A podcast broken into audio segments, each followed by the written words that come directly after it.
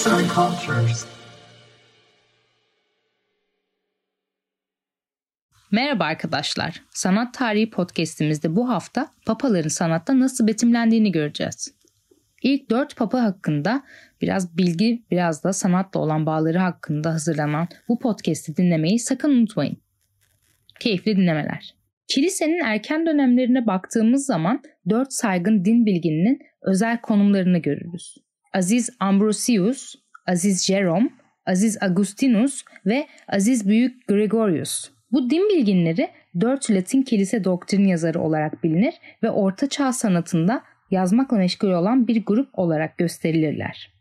Aziz Ambrosius Roma'da hukuk okuyan ve sonrasında Batı İmparatorluğu'nun idari merkezi olan Milano'nun valisiydi. Daha sonra vaftiz bile olmadan Milano'nun piskoposu seçildi. Milano bu Aziz'i klasik bir giysi içinde orta yaşlı bir adam olarak resmeder. Kendisi aynı zamanda ikiz kardeşler olan Aziz Gerveza ve Aziz Protase ile gösterilebilir. Bu kardeşler efsaneye göre inançları yüzünden işkence gördüler ve bir rüyada Ambrosios'a kutsal emanetlerinin yerini açıkladılar. 16. yüzyılın başlarında Bergogno beşiğinde bir bebekken etrafında ona zarar vermeden uçuşan arılardan başlayarak onun ünlü geleceğini gören babasına kadar Ambrosius'u hayatından sahneler çizdi.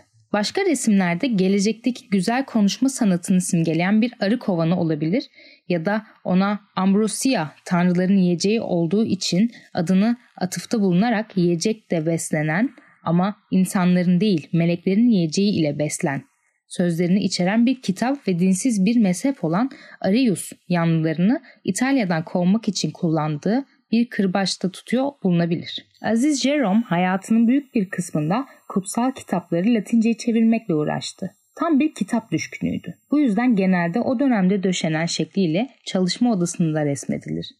Ya da döneminde o görev mevcut olmamasına rağmen bir kardinal gibi giyinmiş ve elinde İncil ile kilisenin doktrin yazarı konumunu simgelemek için bir kilise masketini tutar şekilde gösterilir.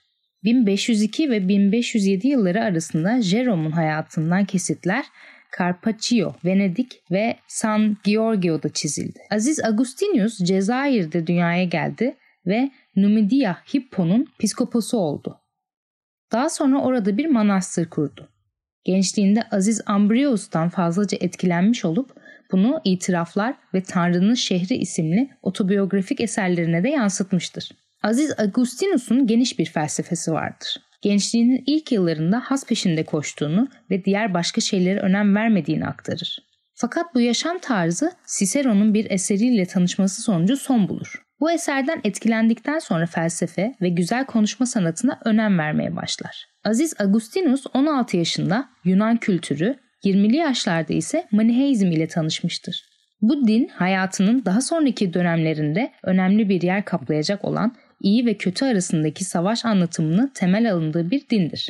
Fakat bir süre sonra bu dinin anlatımlarının oldukça hayali olduğuna kanat getirerek bu dinden ayrılmıştır. Aziz Agustinus Maniheizm'den ayrıldıktan sonra bir dönem yeni Platonculuktan etkilenmiştir. 30'lu yaşlarından sonra Piskopos Ombrios'un etkisiyle Hristiyanlığı kabul etmiş ve 303 yılında aziz ilan edilmiştir.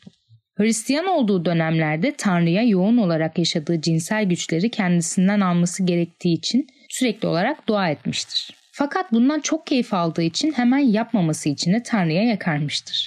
Agustin genellikle psikopas olarak okuyan ya da öğreten bir alim, tarikatının siyah cübbesiyle bazen alevler içinde yanan bir okun saplanmış olduğu kalbiyle gösterilir.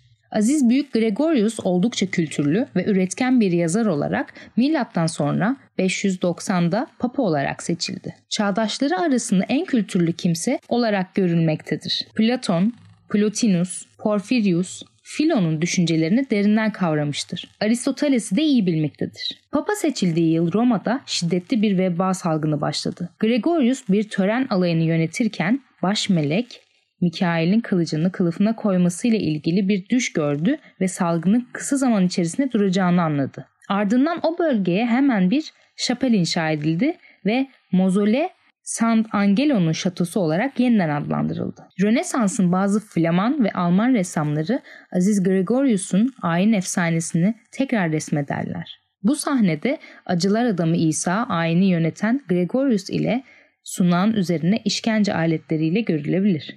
Yazan Gülendam Dinç, seslendiren Polen Biçer.